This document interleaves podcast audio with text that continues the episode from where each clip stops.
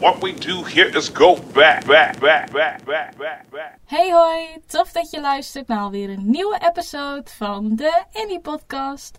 De podcast met elk onderwerp, op elk moment en op elke locatie. Ja, welkom bij alweer een nieuwe episode dus. Episode 15, als ik het goed heb. Als ik goed heb geteld, laten we het daarop houden. Hey, eh, hoe is het met iedereen? Ja, misschien een beetje een rare vraag aangezien ik hem vorige episode ook heb gesteld. Maar ik vind het gewoon belangrijk dat ik deze vraag stel. Want ik weet dat veel mensen met deze periode gewoon heel moeilijk hebben. We zitten nou wat, twee maanden in quarantaine of zo. En ja, ik krijg van aardig wat mensen nog wel te horen dat ze het heel moeilijk vinden. Dus ik heb besloten om als ik gewoon weet dat het nog steeds moeilijk gaat, ja, zeg maar als de maatregelen wat minder worden en mensen zitten lekker in hun vel, dan zal het eventueel stoppen. Maar ik heb mezelf nu voorgenomen om deze vraag in elke episode te stellen. Als het kan, laat het daar houden, als het kan. Want ja, ik vind het wel gewoon belangrijk dat jullie weten dat ik hier ook voor jullie ben. En dat jullie niet alleen zomaar luisteraars zijn. Jullie zijn geen nummers voor mij. Jullie zijn wel echt mensen met wie ik een band heb. En met mensen waar ik eigenlijk het beste mee voor heb. Dus als je wil praten of als je iets wil zeggen hierover, dan please stuur me een DM. Of als je gewoon advies nodig hebt of wat dan ook. Stuur gewoon lekker een DM. Ik vind het totaal niet erg. Ik wil ook dat het met jullie goed gaat. En dan uh, gaan we maar alvast bezig met de episode. Ik ga wel even een disclaimer geven. Iets wat ik echt nooit doe. Maar voor dit onderwerp vind ik het enorm belangrijk dat je weet dat deze podcast anders is dan andere podcasten. Niet qua opbouw, maar echt qua onderwerp. Want dit is een onderwerp waarvan ik vind, dit moet je serieus nemen. En zoals je merkt neem ik, ik het zelf ook heel serieus. Dit is geen makkelijk onderwerp. Het was niet makkelijk om hier onderzoek naar te gaan doen. Het was ook niet makkelijk om de, om de antwoorden op mij te nemen. En het is ook niet makkelijk om hier een podcast over te maken. Zonder dat het misschien verkeerd overkomt. Of dat je ja, eigenlijk afvragen, wat doe ik in mijn vrije tijd? maar dit is wel echt een onderwerp waarvan ik zelf ook een beetje ben geschrokken. En ja, ik vind het gewoon enorm belangrijk. Dus als je geen zin hebt in een serieuze podcast, als je zin hebt in wat leuks, wat vrolijks, alsjeblieft klik dan gelijk weg en ga een andere episode luisteren. Waar wat andere onderwerpen voorkomen. Ik heb hele toffe episodes gemaakt over Sonic bijvoorbeeld, over de history van Sega. Um, Dutch Comic Con, Mukbang, je noemt het maar op. Dat zijn veel vrolijkere onderwerpen dan wat we nu gaan bespreken. Dus dat is de disclaimer. Hou je er niet van, hou je niet van gevoelige en eigenlijk best wel duistere onderwerpen, klik weg. Oké, nou dat klaar is, kunnen we verder gaan. Ik heb in de poll van het underscore any podcast op Insta heb ik jullie de mogelijkheid gegeven om een onderwerp te kiezen voor deze episode. En ik weet ze echt niet meer allemaal. Maar een van de opties was bijvoorbeeld Killing Stalking. Waar echt nog wel een podcast over komt. Want damn, weet je, I'm scarred for life nou. Dus dat moet ik ook delen. Maar dat kon nog wel een ander moment. Toen had ik volgens mij ook een Death Note review of zo van de film. Ik durf het niet meer te zeggen. En de mogelijkheid dat jullie mij een DM konden sturen met een onderwerp. En dan kwam een heel serieus onderwerp. En dat was namelijk de gevaren van het internet bij kinderen. Want ja, geloof het of niet, zelfs nu nog in 2020 is het internet steeds gevaarlijker geworden voor kinderen. En dan heb ik het natuurlijk niet over Movie Star Planet en Habbo en wat dan ook. Nee, echt, social media is extreem gevaarlijk geworden. En ik moet eerlijk zeggen, toen ik hier onderzoek naar deed, ik schrok ervan. Ik zal je vertellen hoe het onderzoek een beetje ging. Zoals jullie weten, volg ik een studie voor online content creator. Oftewel, ik hou me bezig met alles wat zich online bevindt. En heel vaak hebben wij het wel over social media. Dat is voor de hand liggend natuurlijk, want heel veel bedrijven willen het ook. En dan ga je onderzoek doen naar waar speelt social media op in en waarom is het zo populair en dan heb je een aantal factoren die naar boven komen. En een van die factoren was bijvoorbeeld FOMO. En dat is de fear of missing out. En dat betekent je wilt non-stop up-to-date zijn. Je wilt niet dingen missen. En daarom ben je zo vaak online bijvoorbeeld. En daarom is social media ook echt zo verslavend. En omdat ik dat een beetje in mijn achterhoofd had, dacht ik van, nou, wat zou er dan voor kinderen zijn? En toen kwam ik er heel snel achter dat alle gevaren op social media, internet, hoe je het nu maar wil noemen, gold niet alleen voor kinderen, maar ook volwassenen. En dan is het heel moeilijk om onderscheid te maken. Want ja, FOMO is niet alleen voor kinderen, maar ook echt wel voor volwassenen. Dan had je bijvoorbeeld de verslaving die kwam. Uh, dat je je grenzen niet meer kent. Daar heb ik echt wel hele goede voorbeelden van. Maar daar zijn we echt uren bezig. um, maar om bijvoorbeeld een concreet antwoord te geven. Je gaat, snel, je gaat sneller uh, uitspraken maken die je normaal niet zou doen.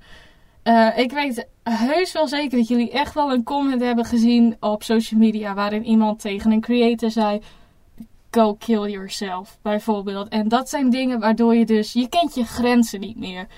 Maar niet alleen kinderen doen dat, volwassenen ook. Dus ik liep een beetje vast, ik was een beetje gefrustreerd. En toen ben ik in het Engels gaan zoeken. En de vraag was eigenlijk gewoon hetzelfde: Dangers of Internet with Kids. Iets in die richting. En toen kwam ik op een video en ik ben daar enorm van geschrokken. Echt enorm. Want ik ga je nou een hele belangrijke ja, les meegeven. Ik heb zelf geen kinderen. Ik heb zelf ook eigenlijk geen jonge kinderen meer in de familie die in deze categorie vallen waar het om gaat. Maar alsjeblieft, onthoud. Kinderlokkers zitten niet alleen op het dark web. Absoluut niet. Het is nu makkelijker dan ooit voor een volwassene om contact te leggen met een kind. Dit gebeurt niet alleen op het dark web of deep web of hoe je het ook wil noemen. Het is echt wel een verschil. Ik zal je duidelijk uitleggen wat het verschil is. Het service web is waar alle websites te vinden zijn die jij zo kan googlen. Instagram is hier één van.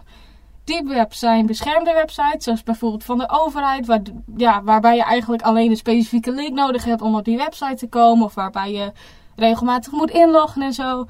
Ik zou de bank kun je bijvoorbeeld bij de tot onderrekenen en zo. Je komt daar niet zomaar op. Je moet wel klant zijn en wat dan ook. En dan heb je de famous dark web. En dat is waar mensen heel vaak de mist in gaan. Want ja, op het dark web is. Ik ga het zeggen, ik hoop dat ik niet van Spotify word verwijderd. Maar op het dark web is kinderporno te vinden. Maar op het dark web is niet hoe volwassenen in contact komen met kinderen. Dat gebeurt op social media. En zoals je hoort, ik ben er best wel streng in. Want ik doe ook wel onderzoek naar deep en dark web. En dat vind ik ook wel interessant. Ik denk, hoe werkt dat allemaal? En het is niet dat ik in mijn vrije tijd eh, via een Tor browser op het dark web ga. Ik ben niet zo dom, weet je. ik ben totaal niet goed in computerbeveiliging en al dat soort dingen. Dus ik ga het niet eens wagen. Maar er zijn mensen die het wel doen en dan het vastleggen wat ze zien.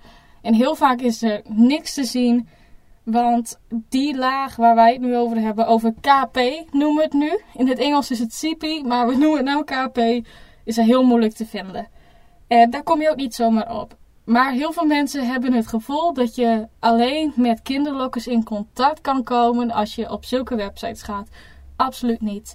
En daar ga ik je nou een heel goed verhaal voor vertellen. En ik hoop echt dat je het onthoudt. Ik hoop dat je het serieus neemt, want dit is een onderzoek die is in 2020. Het is, de video is in februari 2020 geüpload. Dus ik denk dat het onderzoek ook wel rond die periode is opgenomen. Dus het is recent. En het, het, ja, ik schrok er enorm van.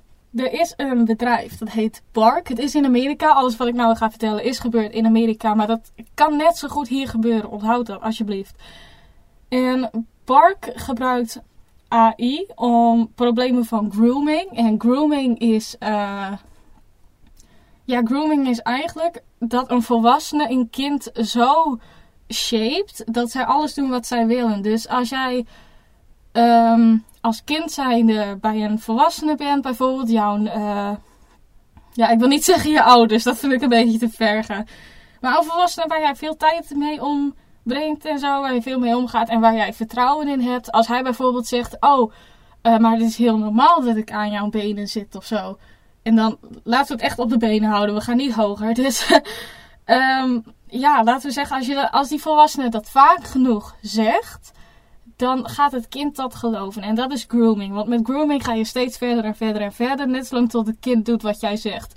Het belangrijkste wel bij grooming is, is dat je vertrouwen werkt. Het is heel erg dat ik dit weet, I know, maar ik heb er echt onderzoek naar gedaan. Dat is het verschil tussen echt um, dat kinderen bang zijn om het niet te doen. Want dat gebeurt ook heel veel bij secten. Sectes gebruiken ook heel veel grooming en zo. Ze zeggen, oh, het is goed, het is oké. Nee, het is helemaal prima als je doet. En het erg is, je gaat ehm, de slechte dingen ga je positief conditioneren. Zodat die kinderen dat blijven doen.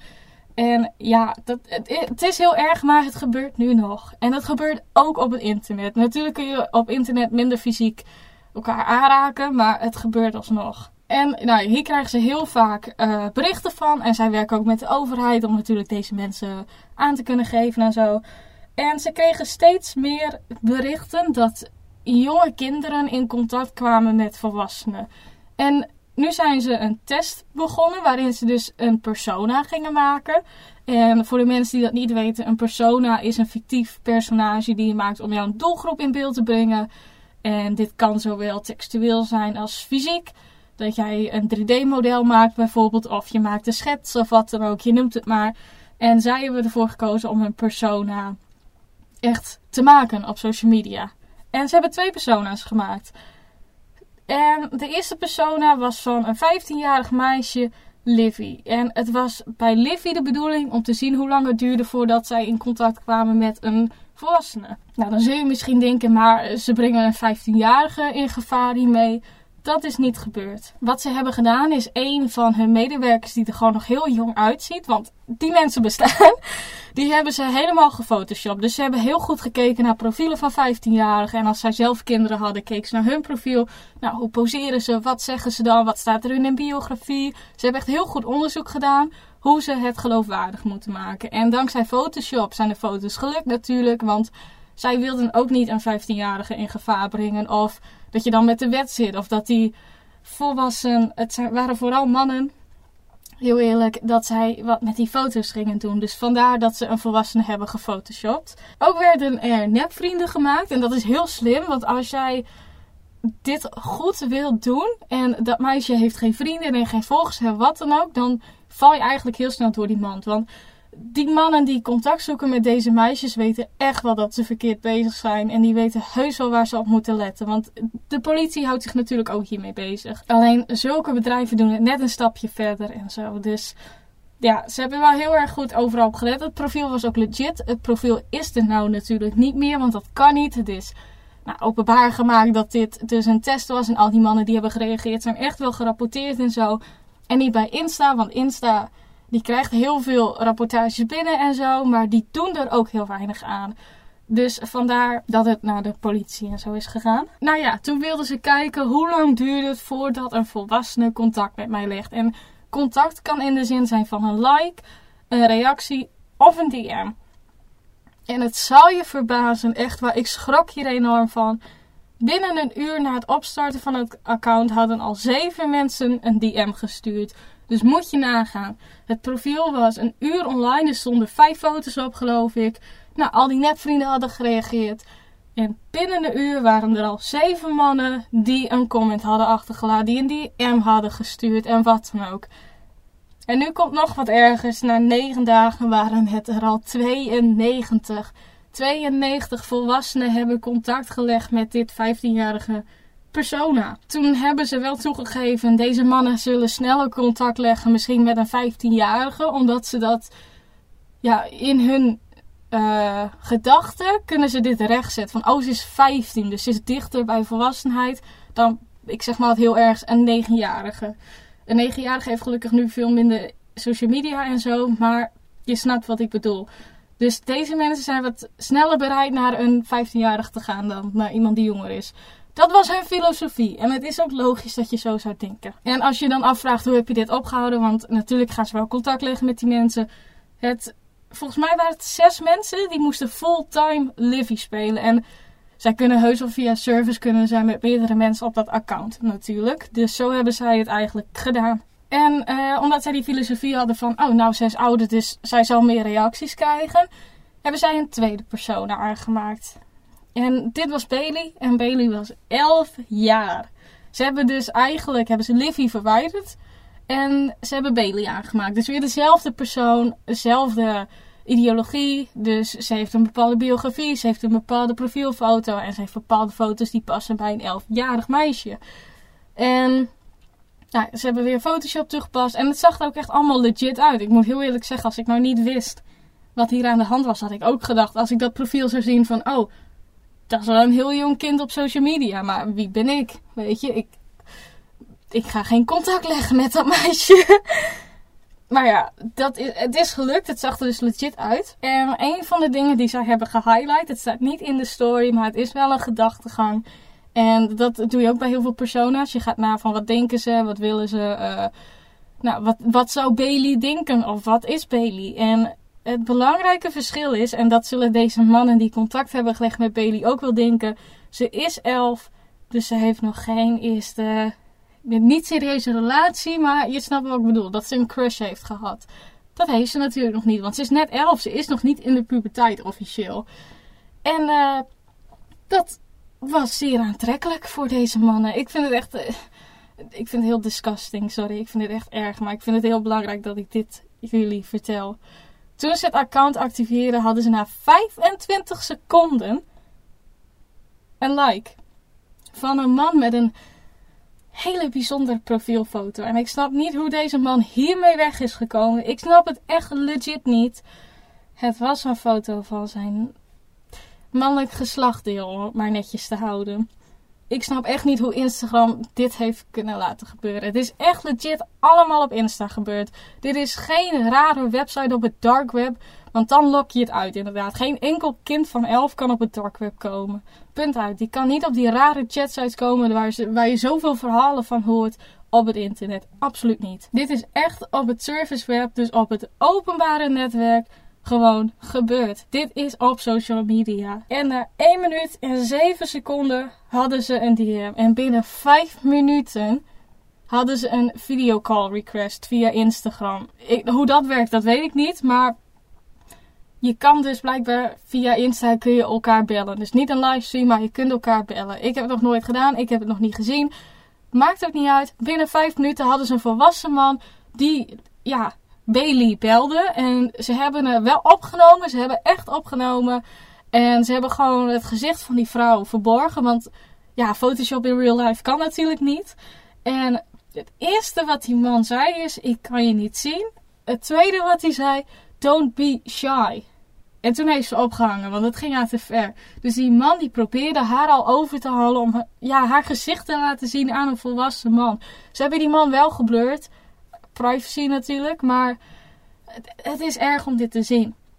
Het is gewoon schandalig dat dit is gebeurd. En ik schrok er echt van. Ik heb zelf geen kinderen, maar je hoeft geen kinderen te hebben om dit eng te vinden. Je hoeft het echt niet.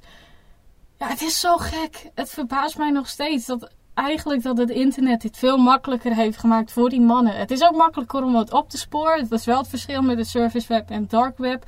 Via service web heb je altijd een IP-adres, zeg maar. Dat is jouw adres. Dus laten we zeggen, heel dom, jouw IP-adres is jouw pascode. Even om het makkelijk te houden.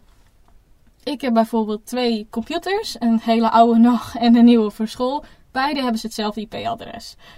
Dus het is niet zo, oh ik ga even op een andere computer als ik merk dat uh, de politie achter me aan zit. Zo werkt dat niet. Dat werkt echt niet zo.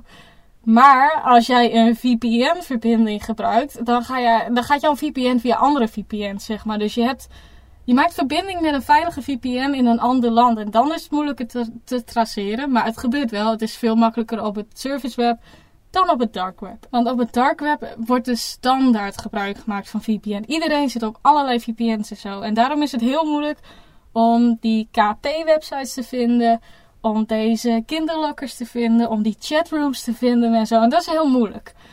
En de reden waarom ik het dark web er ook bij haal is als deze kinderen in contact komen met deze mannen, zeg lang niet dat alle mensen die interesse hebben in contact leggen met deze meisjes, maar heel vaak wel, is dat ze hun uitnodigen om langs te komen. Meestal gaan ze naar een hotel. Ze hebben echt waar, ze hebben uh, iemand dus uitgenodigd, of iemand heeft hun uitgenodigd om naar een hotel te gaan en vervolgens met Peli rare dingen te doen om het nog steeds netjes te houden. En ze zijn er ook echt heen gegaan. Die man is ook opgepakt en alles. Maar dat is even besides the point. Je snapt nu wat die mannen willen doen. En het probleem met deze mannen is, het is al erg wat ze doen. Het is echt vreselijk schandalig wat ze doen. Maar het erg is, is dat zij het kind kunnen zij zo bang maken dat, ja, ook al zouden ze het vastleggen, ook al zouden ze wat er ook zou gebeuren, ook al zouden ze het filmen, het kind kan toch geen nee zeggen. Of ik kan het wel proberen, maar zo'n volwassen man is veel en veel sterker dan zo'n kind. En dat weet zo'n kind ook. En ja, dan gebeuren er hele rare dingen. En het erg is ook nog dat naast dat zij beelden maken, dat zij dingen opnemen, de kinderen ook ontvoerd kunnen worden. En dan belanden ze alsnog op het dark web, op KP-websites, maar zijn ze niet meer bij de familie en zo. Om het, ja, het is heel moeilijk. Ik kan het, ik weet niet hoeveel dingen ik mag zeggen voordat het de grens overstreedt. Het is gewoon eigenlijk kennis delen, I know. Maar ik wil niet alle termen erbij halen die mensen kan offenden of waarvan Spotify zegt: hey, dit gaat te ver, we gaan het hier niet over hebben. Wat ik ook goed snap, maar dit is wel iets wat je moet realiseren dat het echt wel gebeurt. En ik weet eigenlijk uit, mijn statistieken zijn er genoeg mensen die mij volgen die wel kinderen hebben. En ja, dus die kinderen kunnen terechtkomen op het dark web. Onvrijwillig natuurlijk. Maar uh, ook de beelden die worden gemaakt kunnen op het dark web landen. En ja, dat is vreselijk moeilijk om dat weg te halen. Dat kan bijna niet. Het is bijna onmogelijk, omdat je, zoals ik al eerder zei, je kan die websites kun je heel moeilijk vinden. Je moet daar een uitnodiging voor krijgen. Je moet approved zijn en zo. Dat is een hele procedure. En daarom duurt het ook zo lang voor politielui om die websites te vinden, om daartussen te komen. Want hebben zij even door dat jij niet in hun straatje past, ben je dan gelijk vanaf gegooid. En dan kom je er niet weer in. Punt uit. Die mensen die op het dark web zitten, die zulke websites runnen, die weten echt wel waar ze op moeten letten. En dat is het erge hieraan. En dat was een uh, andere documentaire. Ik haal hem er toch bij, want dit zijn gewoon de gevolgen die komen van de afspraken die worden gemaakt via social media. Maar ook dat deze mannen bereid zijn veel meer te doen dan alleen contact te leggen met een meisje, een minderjarig meisje. Iets, ja. Dit is, uh, deze documentaire is van Vice. En hierin volgen ze twee uh, zaken van KP. Eentje is met een politieagent. Hij is wel helemaal afgestemd zo van privacy, want hij moet dit natuurlijk in zijn werk doen. En deze man legt contact met mensen die meisjes uithuren om rare dingen mee te doen. Om maar zo te zeggen. En nou ja, natuurlijk, als hij die meisjes vindt, als hij de locatie heeft, dan heeft hij contact met de politie in dat land. En dan pakken ze die mensen op. En dat zijn de kinderen, eh, natuurlijk altijd meisjes, die, ja, daar wordt dan voor verzorgd, zeg maar. Zodat zij niet meer dat werk te hoeven doen. Dat ze niet meer geforceerd worden om die rare dingen met die mensen te doen. En daarin is dus in deze documentaire die in 2016 is opgenomen, is gezegd dat er 34.125.062 plaatjes en video's van KP te vinden zijn wereldwijd in 2016. En ze lieten ook zien dat het elk jaar meer wordt. Het wordt verdubbeld. Het wordt steeds erger en erger. En het is gewoon schandalig dat het nou nog kan. Dat dit nog steeds gebeurt. En daarom wil ik het ook heel graag delen. Niet dat je er wat in principe aan kan doen. Maar wel dat jij ervan bewust bent dat dit plaatsvindt. En als je zelf kinderen hebt. Of ook al is het nichtje of neefje. Ben je er gewoon van bewust dat dit kan gebeuren. Iedereen kan dit overkomen. Het is echt niet alleen in Amerika. Het is echt niet alleen in Rusland of zo. Over de hele wereld gebeurt dit. En ik vind het heel erg en daarom wil ik het gewoon delen. En uh, toen kwam er een ontwikkeling en je kan er twee artikelen vinden in het Nederlands erover. En ja, ik vind dat er wel wat meer bekendheid over mag komen. Maar ze zijn nog heel erg bezig met het proces om het helemaal goed te maken en zo. Maar alsnog vind ik het goed om dit wel te highlighten. Hier in Nederland is een AI opgericht en zij heet Sweetie. En zij is een 11-jarig Filipijns meisje. En die hebben ze helemaal in de computer gemaakt. Dus helemaal computer-generated software hebben ze gebruikt om Sweetie te maken. En ze ziet er ook wel redelijk echt uit. En het is de bedoeling dat Sweetie dus in deze, deze chatsites die zij gebruiken zitten wel wat meer verstopt op het internet. Dus dan gaat het niet meer over social media. Het gaat ook niet direct over het dark web, echt niet. Maar het gaat wel wat dieper en het is wat geheimer en zo. En um, het is de bedoeling dat zij als software wordt gebruikt. En zij zit dan voor de camera, of zo lijkt het natuurlijk.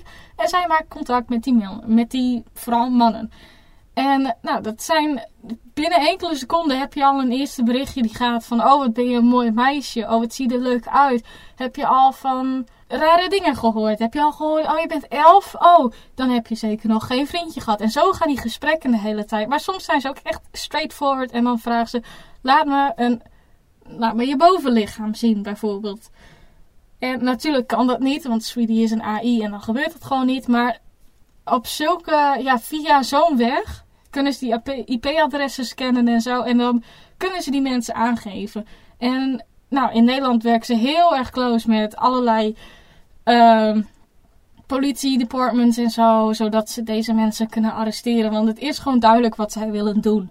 Dit kun je niet zeggen, oh ik heb per ongeluk contact gemaakt met een 11-jarig Filipijns meisje wat een AI blijkt te zijn. Dat kan niet per ongeluk, dat gebeurt expres.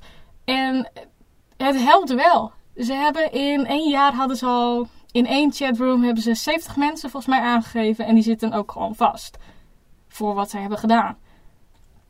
En dan is het niet gelijk dat deze mannen uh, bezig zijn met KP maken of dat deze mannen ook rare dingen hebben gedaan met meisjes, maar ze hebben wel de intentie om het te doen.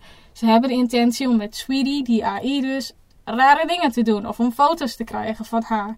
Dus dat is eigenlijk al genoeg bewijs voor een politieagent om jou te arresteren als je hierom vraagt. En de Sweetie 2.0, die wordt met motion capture gedaan. Ze heeft ook een stem en alles. Ze kan echt praten. Dat was heel cool om te zien, maar het is maar een heel klein stukje in die documentaire. En daarom wil ik het toch highlighten. Omdat er zo weinig ja, media naartoe is gegaan. Want het is echt enorm. Als dit werkt, als dit. Ja. Laten we zeggen, als dit gewoon werkt, dan is die hele business is straks weg. Tuurlijk, Sweetie moet dan elke keer aangepast worden. Want mensen worden zich, echt wel bewust dan een 11-jarig Filipijnse meisje. Oh, die heb ik ook gezien. Oh, die heb ik ook gezien. Ja, maar daardoor is die en die vastgekomen in de cel of zo. Daar komen die mensen die echt in dat kringetje zitten, komen er echt wel achter. Maar het idee dat een AI dit soort dingen kan oplossen. En dat zij deze mensen kunnen opsporen. Ja, dat is eigenlijk goed. Want je riskeert geen kleine of kleine meisjes zou ik niet zeggen, maar je riskeert geen jonge kinderen hiermee. Want al die mensen worden al opgepakt, weet je. Ze gaan het waarschijnlijk niet eens meer proberen dan. En dat helpt echt, want dan is het internet weer veilig voor die kinderen. En als je dan denkt, oh, één chatroom, ah, dat is niet zo erg. Zullen vast niet zoveel chatrooms zijn. Over de hele wereld zijn 40.000 chatrooms waarin volwassenen met kinderen in contact komen. En zoals ik zei, dat is weer niet echt het service web. Het is meer deep web en zo. Maar kinderen kunnen daar ook op komen. Laten we eerlijk zijn. Als een volwassene die op die website zit via een kind in contact komt. Op social media bijvoorbeeld. En die zegt: Hey, ik heb een leuke website voor jou. En zij krijgt dat linkje. Want we gaan ervan uit dat het weer een meisje is. Wat in heel veel gevallen zo is. Dan gaat het meisje naar die chatsite. En het ziet er allemaal heel normaal uit. Het ziet er gewoon uit als een Omegle of zo. Of. Uh, chatroulette is een heel slecht voorbeeld, maar dus laten we zeggen de tekstgedeeltes van chatroulette en zo. En ja, het ziet er allemaal heel normaal uit. En het meisje heeft geen idee, maar die man natuurlijk wel. En ja, dat is het erge hier gewoon aan. Dus ik hoop dat deze ontwikkelingen van de AI's en het opsporen van deze mensen nog geavanceerder wordt en nog beter wordt, zodat dit kan stoppen. Want het, het is echt onmenselijk wat er gebeurt met die kinderen. Eh, ja, er zijn zoveel. Hier heb ik echt wel redelijk wat onderzoek naar gedaan. Want als je eenmaal gechoqueerd bent, wil je meer weten.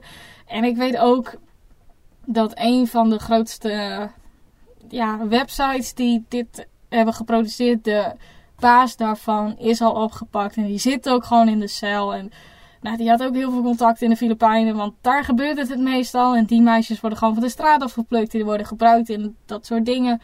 En uh, ja, het is gewoon schandalig. Maar besef je, het gebeurt niet alleen daar. Iedereen kan het doen. Het klinkt echt heel erg, het klinkt heel grof hoe ik het zeg, maar het is wel zo. Elke willekeurig persoon die hier interesse in heeft, zou het kunnen doen. En vooral nu omdat social media zo te makkelijk te bereiken is. En zoals ik al zei, Instagram kan niet elk bericht controleren. En daarom vind ik het ook hartstikke belangrijk dat er eigenlijk een optie komt voor kinderen, vooral, want Instagram is de app, weet je, de app to be, de app to use en zo. Dat daar eigenlijk een functie in komt in het rapporteren dat speciaal voor kinderen is gemaakt.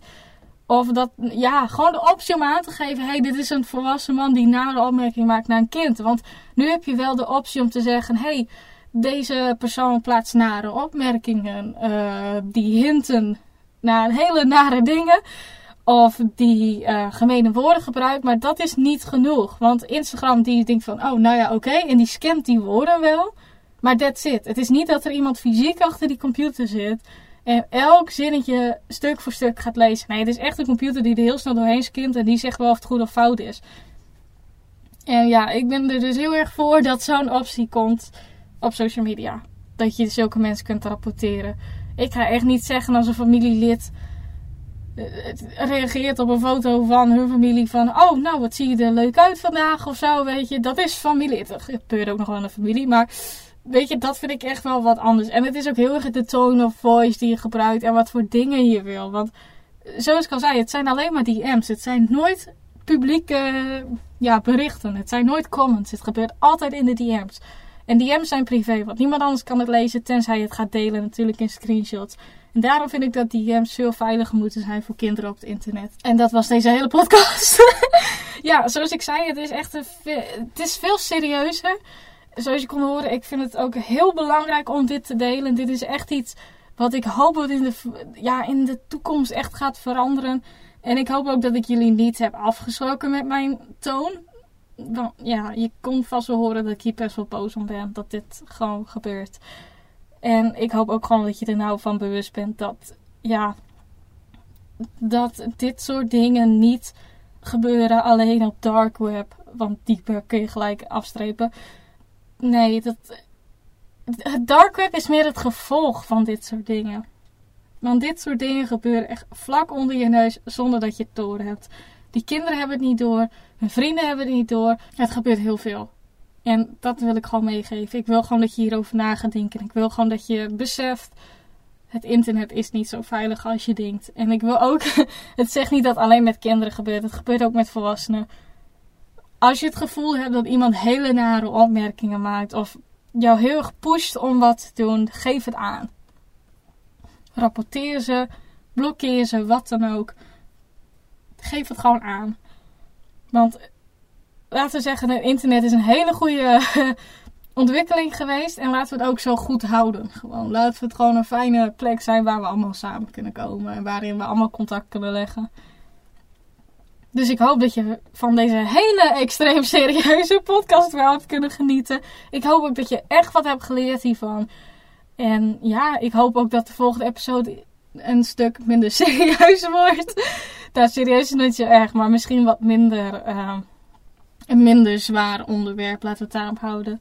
Dus ja, dan zou ik zeggen, vergeet vooral niet de podcast te volgen.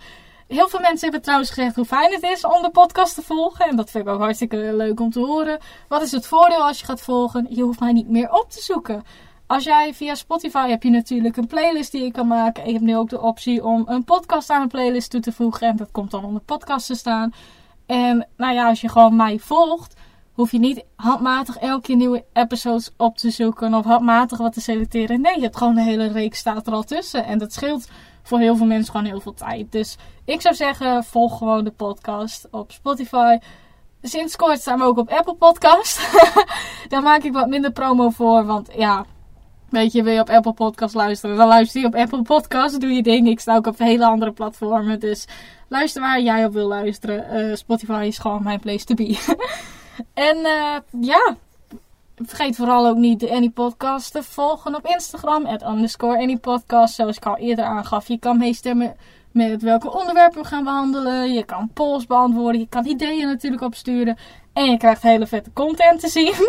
Dus vergeet vooral die ook niet te volgen en een like te geven. En ja, dan zie ik jullie volgende keer weer. Bedankt voor het luisteren en hopelijk was dit niet te zwaar.